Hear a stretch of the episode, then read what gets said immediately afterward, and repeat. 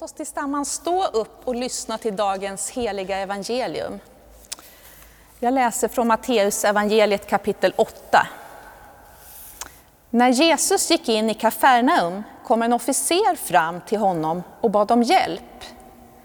Herre, min tjänare ligger förlamad där hemma och har svåra plågor. Jesus sa, ska jag då komma och bota honom? Officeren svarade, Herre, jag är inte värd att du går in under mitt tak, men säg bara ett ord så blir pojken frisk.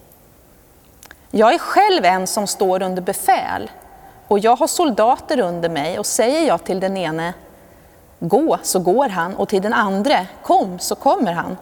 Och säger jag till min tjänare, gör, gör det här, så gör han det.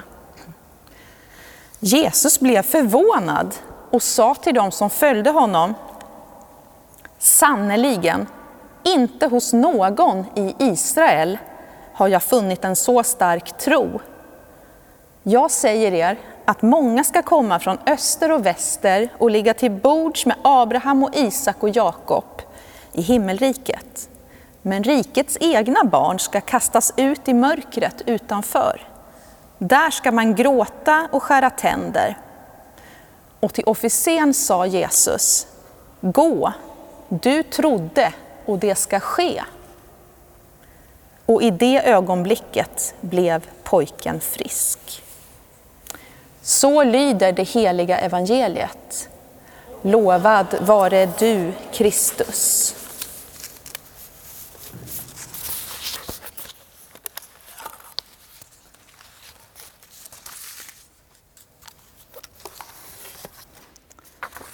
Låt oss be tillsammans. Tack Herre att vi får samlas och fira gudstjänst. Inte på det sättet vi längtar efter och samlas tillsammans, men vi får ändå stanna upp för ditt ord, vara i tillbedjan och bön och mötas. Jag ber Herre att ditt ord ska tala till våra hjärtan. I Jesu namn. Amen. Ja, det är ett härligt tema och en fantastisk evangelietext för den här söndagen. Jesus skapar tro. Eh, jag kan nästan inte tänka mig en bättre eh, söndagstema under Svenska kyrkans kyrkoår. Det finns naturligtvis påsk och pingst och jul och allting, men Jesus skapar tro. Eh, det säger till oss att det är Jesus som är aktiv, det är han som skapar.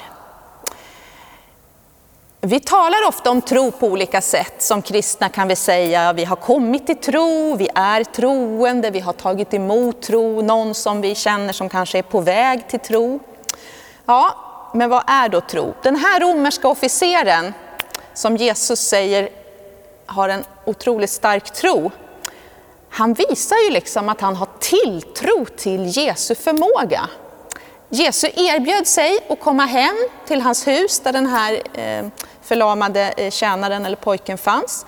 Eh, men så säger officeren, jag är inte ens värdig att du går in under mitt tak, men säg bara ett ord så blir han helad. Officeren tillskriver Jesus den här reella makten att handla, att han vet, han tror och han vet att Jesus har makt bakom orden.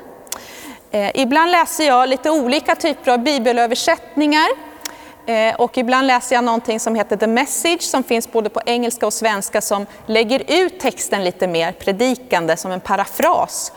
Och då står det eh, i den svenska översättningen att Jesus säger till den här romerske mannen, en så självklar tillit har jag inte sett hos någon Israel. En självklar tillit. Ja, den här officeren läser vi, han var van vid befäl och ordningar. Han visste att det gällde att lyda i den militära hierarkin och att man också gjorde det. Han var inte en man av tomma ord. I vår värld, i alla kulturer, men just i vår värld, i vår kultur, i vår tid, finns det en massa tomma ord. Det finns överflöd på tomma ord. Reklam, sociala medier, information, nyheter du inte ens visste fanns innan någon journalist eller kändis gör en nyhet av det. Oj, så mycket tomma ord det finns. vi är inte kallade att vara med i den strömmen, att bara förmedla tomma ord, bidra med tomma ord. För de stannar inte kvar och ger näring. Jesu ord stannar kvar och ger näring och han talar aldrig tomma ord. Det är alltid ord och handling förenade hand i hand. Som det står i, i eh, Bibeln, alla dina ord är ande och liv. Jag vill bara sätta in den här bibelberättelsen i Matteus 8 i sitt sammanhang innan vi går vidare. Och det är i Matteus evangeliet de här kända kapitlerna, styckena, Jesu bergspredikan innan här. Eh, och bergspredikan börjar ju med saligprisningarna. Det är ju som en program, programförklaring för Jesu tjänst. Och då börjar det, saliga de som är fattiga i anden, de tillhör himmelriket. Och saliga de som sörjer, de ska bli tröstade och så vidare. Och den här översättningen som jag Eh, läste ur förut, den säger så här om det här med salig att vara fattig i anden. Ju mindre det är av er i det ni gör, desto mer är det av Gud och hans styre och hans rike. Som en påminnelse om att skatten ska vara i lerkärl. Vi är kallade för att vara lerkärl och ha Jesus eh, som skatt och leva i beroende, att Jesus ska bli synlig och vara i centrum. Det är väldigt starkt i bergspredikan och så avslutas bergspredikan med den kända liknelsen där Jesus talar om huset på berggrunden. Bygg inte sand på en sandig strand, kanske några har sjungit. Eh, och där handlar det ju om att den som hör dessa mina ord, säger Jesus, den som hör dem och handlar efter dem, han är som en klok man som byggde sitt hus på berggrunden. Eh, så det här budskapet att ord och handling går hand i hand, det går igen i hela Bibeln. Och vi kan inte bläddra någon endaste sida i Nya Testamentet utan att det talas om tro. Det är så många möten Jesus har med människor som söker upp honom i olika typer av nöd, sjukdom, eh, ber om helande, uppväcka från de döda och så vidare. Eh, där Jesus uppmanar till tro, han till och med förmanar sina lärjungar, varför har ni så lite tro? Eh, och så vidare. Och Paulus, den apostel som har skrivit så många brev, eh, och speciellt Romarbrevet är ju ett trons brev. Där står det bland annat om Abraham, trons fader, att Abraham var övertygad om att vad Gud hade lovat, det var han också mäktig att hålla. Hebreerbrevet 11 är ett annat sånt här eh, starkt kapitel i Nya Testamentet som handlar om troshjältar och tro. Och där står det, tron är en övertygelse om det vi hoppas, en visshet om det vi inte ser. Ja, så hela Bibeln talar om att tron ligger till grund, det är Guds löften i ordet är grunden för tron, att Gud håller vad han lovat. Och det är så långt ifrån allmän optimism och positivt tänkande som man kan komma.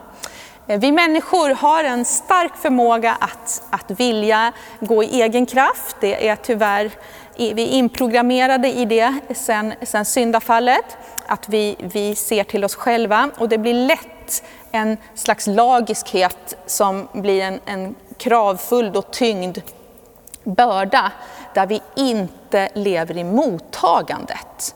Det är lätt att komma bort från tron som gåva som räcks oss utifrån från Jesus själv.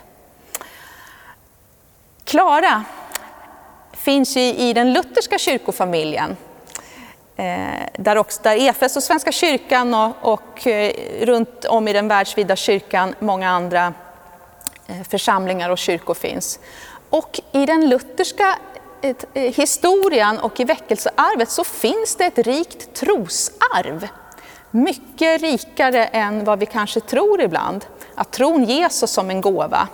Både Luther och sen på 1800-talet de eh, stora bland annat Rosenius och Lina Sandell Eh, som är som våra eh, lärofäder och eh, Lina Sandell som har skrivit så enormt starka trostexter. Några är kända från psalmboken och några är ganska okända men en enorm tilltro till Guds ord och löften.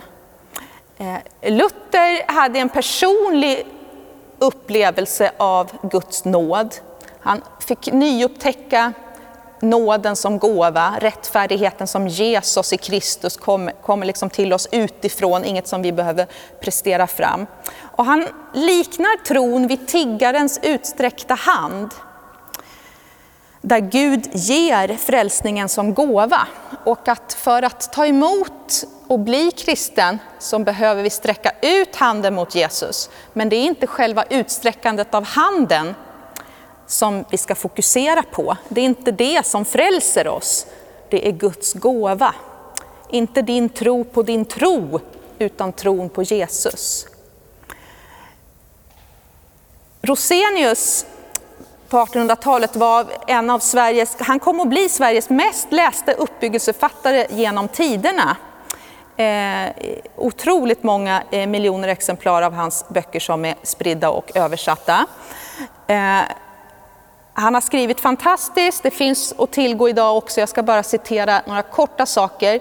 Han har skrivit en artikel som heter Trons bön tager Gud på orden. Det är en sund trosförkunnelse utifrån Bibeln som är jätteaktuell, där han förankrar allt i Guds ord och löften och Guds egenskaper.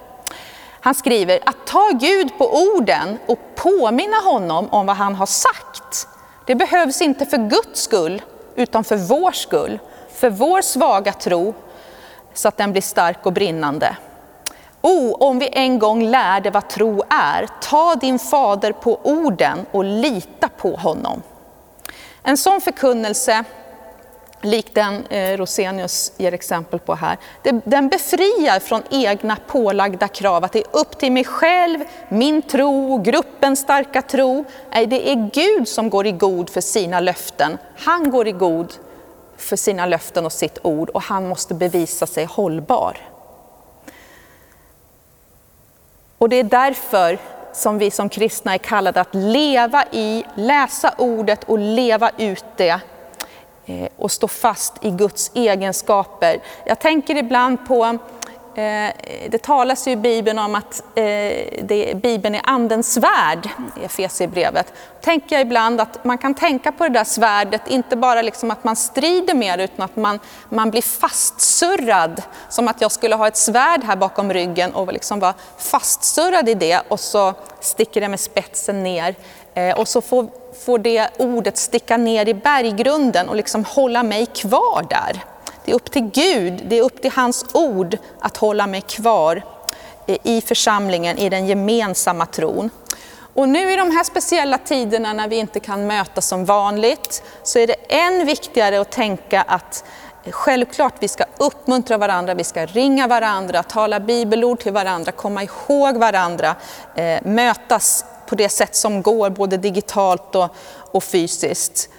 Men det är inte vårt allmänna positiva tänkande, att vi ska ta oss i kragen och muntra upp oss och kämpa på lite till. Det är inte det som skapar tro, utan Jesus skapar tro i våra liv, i våra enskilda liv och i vår gemenskap. När vi kommer till honom, när vi lyssnar till hans ord, när vi fortsätter göra oss beroende av honom. Eh, jag känner en man som jag har varit gift med i 20 år och han har skrivit massa böcker. Han heter Olof Edsinger och han har skrivit en jättebra bok. Det här är ingen reklam nu för jag har inte med mig boken men den finns att köpa och den heter Tro stavas beroende. Det är en väldigt bra, en väldigt bra titel. Jag känner att jag behöver sno den nu när jag har fått frågan här om att, om att predika eh, den här söndagen när det är Jesus skapar tro som tema.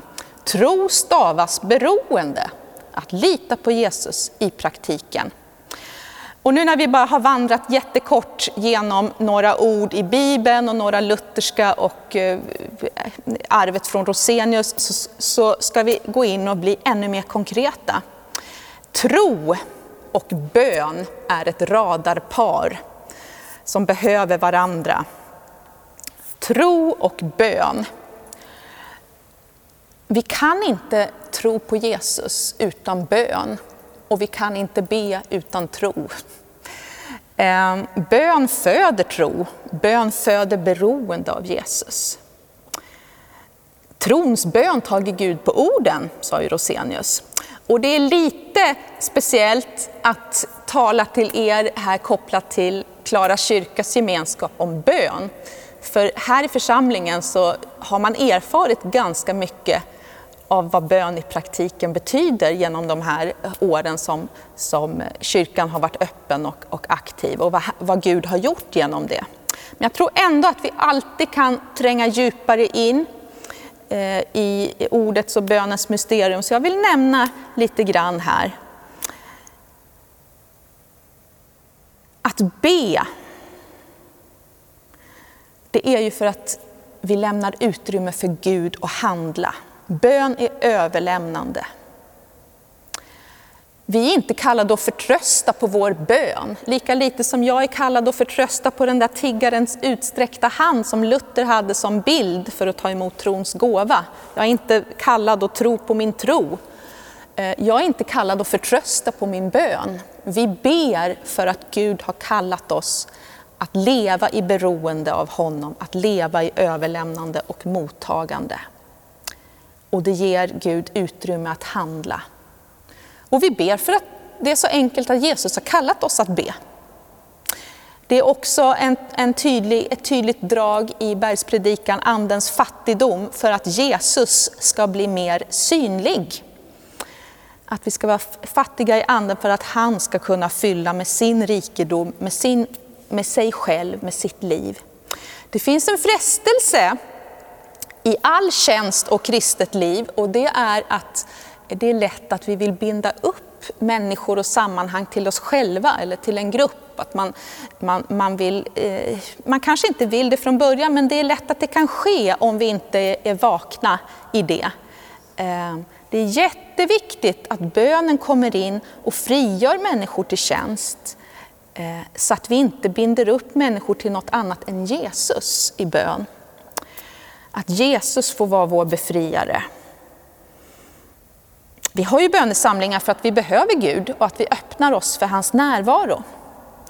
Eh, I en annan eh, möjlig värld, tänkte jag säga, när livet är lite mer som vanligt igen och man kan träffa varandra fysiskt, då är det ju självklart att om jag säger till en person, om jag ringer eller smsar, skickar meddelanden och sådär, ja men eh, jag vill träffa dig, det vore så kul att ses.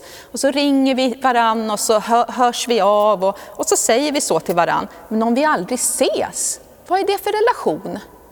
Nu får vi använda de där digitala verktygen och sådär, men, men det vanliga när man, när man vill tillbringa tid med den man verkligen tycker om, med de man älskar, med de man trivs med, då vill vi ju vara i det.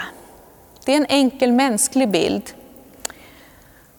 Att vara i kärleksrelationen med Fadern, att ta emot hans godhet.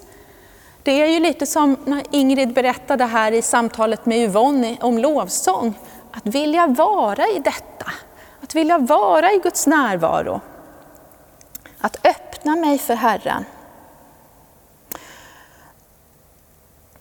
Nu i januari har det ju kommit en del snö i väldigt stora delar av Sverige. Det har inte undgått någon. Eh, och då är det ju viktigt att vi inte halkar för mycket och inte kör i diket. Eh, men jag tänkte nämna två olika diken det är lätt att hamna i som enskild kristen och som eh, församling eller, eller mindre grupp när det gäller det här kring bön. Det ena är att, ja men, Gud behöver väl inte vår bön egentligen? Han är ju allsmäktig. Det är väl inte så noga. Lite låt gå-mentalitet. Ja, det rätta är att Gud är allsmäktig. Men han har gett oss bönen som gåva. Han vill att vi ska komma till honom. Inte för att vara duktiga, för att få stjärnor på vår bönelista och avprickning, nej för gemenskapen, för formandet av våra hjärtan. För vi blir närvarande för Gud när vi ber. Vi stiger in i hans närvaro, vi öppnar upp oss själva och sammanhang så att han kan verka. Vi behöver bön. Förbön för andra, att bära församlingen och andra i förbön. Fortsätt med det i dessa tider. Men att söka Guds närvaro är ännu viktigare. Att lyssna in och vara följsam Istället för att först be ut en massa eh, av det man själv vill, lyssna först till Herren. Det är han som verkar. Det är som man säger till barn, eh, vi har fått två öron och en mun. Eh, det kan vi ibland behöva påminna oss som kristna också. Gud behöver utrymme att ta över. Ja, om det ena diket var det där låt gå-mentaliteten, Gud kanske inte behöver vår bön, så är det andra diket. Ja, Gud behöver vår bön så mycket att han inte kan handla utan att vi har bett. Och det tenderar att slå över till en lagiskhet.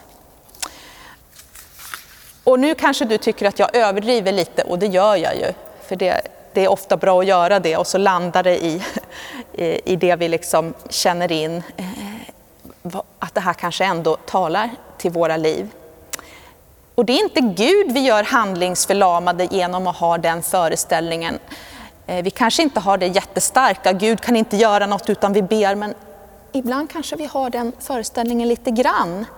Och det är inte Gud vi gör handlingsförlamade, utan till slut gör vi oss själva handlingsförlamade genom en sån inställning. Det blir, det blir krav, det blir en väldigt snäv bild av Gud och Guds rike och Guds allsmäktighet.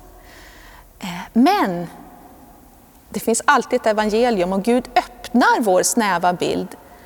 Han handlar och verkar faktiskt i den här världen också oss förutan. Men han har befallt oss att be, han har valt att göra sig beroende av vår bön. Det är ett stort mysterium. En person sa till mig en gång när det gäller, bön att ja, ett mysterium kan man ju faktiskt inte alltid förstå, hur mycket man än läser Bibeln Bibelns ord om bön, ett mysterium behöver man gå in i, träda in i. Och det är vad vi får göra när vi är i klara i bön eh, tillsammans och när vi är i enskild bön. I alla kristna sammanhang och traditioner där man ber regelbundet och ofta, som i, i kloster och andra sammanhang där man ber tidigärdens dagsrytm flera gånger om dagen, så behöver man liksom lära sig att förhålla sig till det mysteriet. Att vara trogen i bön, att hålla fast, att komma i tid, å ena sidan, men att inte heller krampaktigt tro att ett missat bönetillfälle eller någonting mänskligt som kommer emellan eller någon tillfällig förändring gör att Gud inte verkar. Bönens källa kan täppas till i våra liv av olika anledningar, men Jesus vill alltid öppna upp så att källan flödar friskt. Och förbönens gåva är fantastiskt, att vara buren av Gud genom andras bön. Men vi behöver också bara vara i Guds närvaro. Ja, båda de här dikena, de här väldigt förenklade sätten att göra två diken, det begränsar, det begränsar Gud och sätter fokus mer på oss. Men låt oss gå tillbaks till eh, det fantastiska i dagens evangelietext. Den här romerska officeren som frimodigt kommer till Jesus och tror Jesus om att det är Jesus som kan handla och gripa in i den här situationen med pojken. Ibland undrar jag om det, det största undret är i den här berättelsen att pojken blev frisk, vilket var ett stort under, eller att officeren fick höra de här orden från Jesus. Inte hos någon har jag mött en så stark tro. Jag tror inte bara att Jesus var förvånad eh, vid det här mötet, det står ju i Bibeln att Jesus var förvånad, jag tror även att officeren var förvånad över det. Ehm, ja, trons bön och trons handling. Eh, tron eh, går hand i hand med bön och eh, trons bön går hand i hand med trons handling. I vissa sammanhang talar man om den undergörande tron. Det kan man göra. Jag tror det viktiga är att vi har det här beroendet, att bönen är att frimodigt komma till Jesus. Ibland är det läge att be och ibland är det läge att handla i tro och ofta ska de gå hand i hand. Här i Klara finns det jättemånga vittnesbörd eh, vad Gud gör i reell tid så att säga, inte vad han gjorde bara på farfars fars tid eller på Rosenius tid eller på Luthers tid eller på när väckelsen gick i Norrbotten på 30-talet. Det är så fantastiskt att få möta eh, olika typer av människor här och få höra vad Jesus har gjort eh, i, i den här gemenskapen och i enskilda människors liv. Färska Jesusberättelser finns det gott om här. Men ibland är det ju så att vissa av oss, eh, och där är jag inräknad, det är lättare för mig att be för andra, att lyssna in Gud. Och så är det lite svårare ibland att gå i trons handling. Eh, för det kräver en del. Och eh, det är också så att när man står still och inte går, då kan man ju känna så här, men då är det lite tryggt. Då kan jag inte misslyckas. Det är bättre att sitta still i båten än som Petrus i en annan evangelieberättelse eh, säger till Jesus, eh, låt mig komma till dig på vattnet. Eh, själv är jag inte en sån där Petrus-typ som gillar att snabbt liksom hänga på nya äventyr som är lite farliga, utan jag tar gärna det säkra före det osäkra. Det, det, det känns så bra. Men ibland kallar Jesus oss till att gå emot Eh, det som vi mänskligt känner är bekvämt. Och för mig så är tro i handling ofta förknippat med att göra någonting för en annan människa där jag känner att min egen kraft inte räcker till, där jag känner mig liten. Eh, att eh, svara ja på kallelsen att här i somras få förtroendet att bli anställd i Klara på deltid, det var en sån Eh, respons i tro för mig. Och tillbaks i livet så har det varit det genom olika typer av, av inlyssnande till Herrens kallelse. Eh, jag tror säkert att du där hemma i, i soffan eller var du lyssnar på det här eh, har sådana moment i ditt liv att du drar det till minnes. Eh, kanske något som har hänt nu i närtid eller tidigare där du känner att där var jag kallad att på ett speciellt sätt gå emot min naturliga känsla och lyda Jesus i tro. Och kanske sitter du nu, och då får det vara vår bön tillsammans, att du kanske sitter nu med någonting i ditt liv där du vet att Herren knackar på ditt hjärta att ta något steg, att ta något beslut eller att backa i tro så att säga. Det är också en handling att ibland sitta still i båten när man är den personligheten kanske som jättemycket vill driva på. Men att att, att backa och lyssna in Jesus. Kanske har du något sånt i ditt liv som gäller ditt liv, eh, din familj, dina val. Och i så fall så ska vi be här på slutet snart i predikan att, att Jesus ska, ska leda dig i detta. Eh, jag har en berättelse jag ofta kommer tillbaks till i mitt eget liv och det har jag läst i en bok och det finns massa bra böcker men den här var, det var starkt för mig. Eh, och det talade till min känsla av litenhet och att jag ofta vill ta det säkra före det osäkra. En amerikansk eh, predikant i ett helt annat sammanhang som berättar, jag tror det var han själv eller någon han kände som var på något knepigt uppdrag, en sån där grej som jag inte skulle eh, ta mig för, att klättra ner för grottberg uppifrån och ner. Eh, och så är det berg och så är det liksom grottor inuti. Men den här predikanten hade liksom ingen koll på att det var grottor också, så han klättrade där med några instruktörer. Och så förstod han sen att här öppnade det sig som ett hål. Vad ska han göra? Och då sa hans instruktör några ord som han sa, det där tog jag till mig som Jesu ord för mitt, för mitt liv.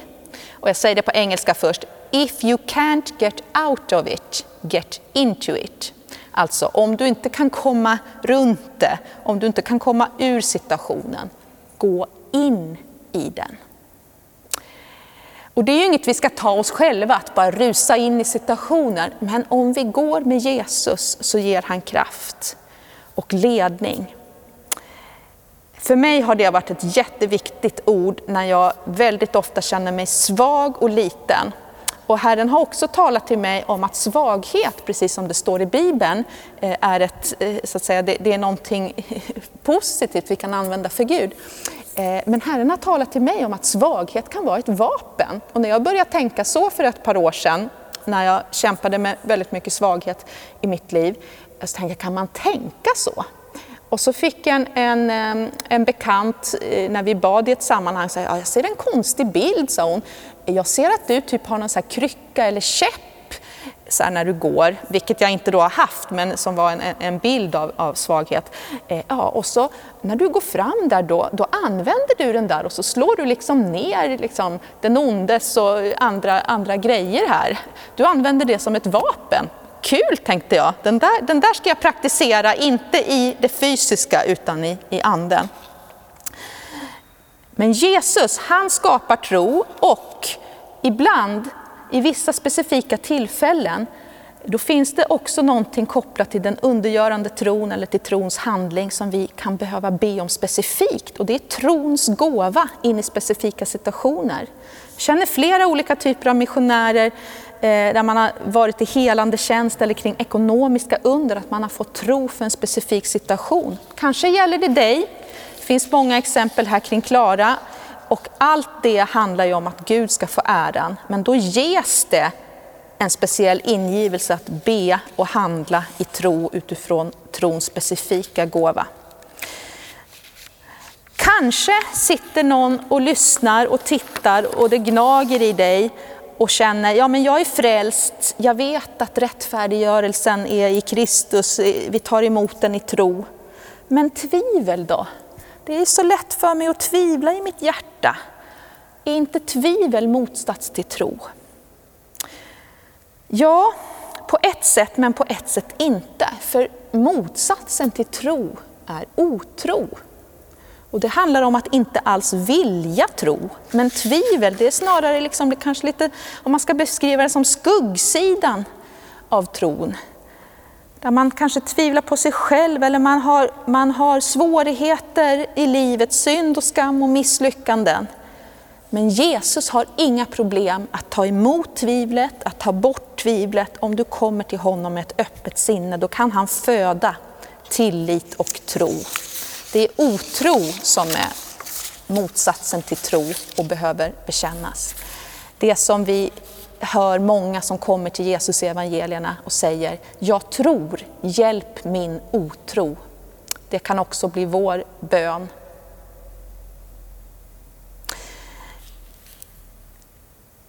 Ofta så är tro förknippat med någonting som gäller lydnad och offer. Det kan handla om att man väljer den smala vägen, korsvägen, smärtan, något som Jesus var väl förtrogen med. Ibland är tro att vänta länge utan att se, att be och vänta i tro. Ibland är det att släppa det man så gärna, gärna vill, men där man efter lång tid av bön och bearbetning kanske känner att det inte är vad Gud faktiskt har lagt på ens hjärta utan något man själv vill. Då är Herren mäktig att ta hand om det och föda något nytt i ditt hjärta.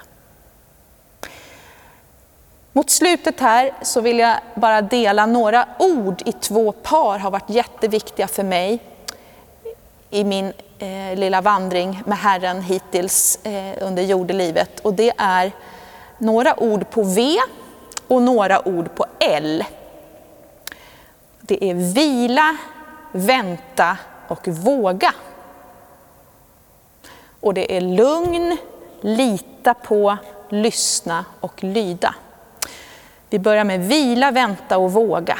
Att vila, inte så att vi bara ska ligga och slappa hela tiden, men att, att vara i vilande i anden, att vara mottagande i väntandet för hur Herren talar och att våga. Och det här är inte så att det är en linje, att först vilar man, sen väntar man, sen vågar man. Utan det, det kan gå lite hur som helst. Och att våga är ju också kopplat till att lyda. Det är väldigt liknande det här att vara, att vara lugn, att lita på Jesus, att lyssna in och att lyda. Lita, lyssna och lyda. Och snart så ska vi bara avrunda och ha en liten stund i bön, tyst tillsammans, där var och en befinner sig innan vi går in i mässan här. Där du ska få eh, fråga Herren i ditt hjärta hur han just nu konkret vill göra dig mer beroende av honom i ditt liv. Och jag har full tilltro till att Jesus, när vi stillar oss, eller om vi tillsammans sitter som familj eller vänner och följer den här gudstjänsten, att om du frågar Jesus konkret, hur vill du skapa tro i mitt liv, i mitt sammanhang? Då kommer han att svara dig. Så jag vill uppmuntra dig att, att ta den här lilla stunden av tystnad vi snart kommer att ha. Eh, skriv ner om du får någon tanke eller be Jesus att påminna dig senare. Men var ärlig och konkret. Hur kallar Jesus dig att vara mer beroende av honom i ditt liv? Och kanske handlar det om något som att våga gå, att våga lyda. Eller att släppa mer till honom av kontroll. Att tro att just du kan möta de människor du helst drar dig undan ifrån och har blivit sårad av. Kanske handlar det om att ge upp din bekvämlighet. Eller att våga vila mer i bön, släppa kramp, att vila mer i bön och se hur Jesus leder. Eller så handlar det om att troget fortsätta stå fast i förbönstjänst och inte vika för någonting som Herren kallar dig och fortsätter kalla dig in i. Och, och, kanske handlar det för några om det väldigt konkreta som i evangelietexten om en familjemedlem eller vän eller någon som jättekonkret, det kan vara du själv också, behöver möta Jesu helande kraft. Då ska vi be alldeles strax om att han ska göra det och komma till dig eller den personen med sin helande kraft. Och så vill jag uppmuntra dig att senare ikväll, i eftermiddag, en annan dag, fortsätta ta tid och fråga Jesus eh, de här frågorna och lyssna in igen. Hur kan du Jesus göra mig mer beroende av dig i mitt liv? Vi ber tillsammans. Tack Jesus för ditt ord, tack att du skapar tro. Jag ber med psalmtexten som vi kommer att sjunga om en stund. Den som beder innerlig, Davids son, förbarma dig och sin nöd till Jesus bär, skall förnimma vem han är. Ja, tack Jesus att vi just nu bara får ta den här tysta stunden där vi är och fråga dig konkret hur du vill skapa tro i våra hjärtan. Hur du vill göra oss mer beroende av dig konkret. Vi stannar upp och vi lyssnar till dig och till ditt ord. Påminn oss Herre och till de som behöver helande så bara tackar vi dig Jesus att du är närvarande och låt det ske som du har sagt Herre.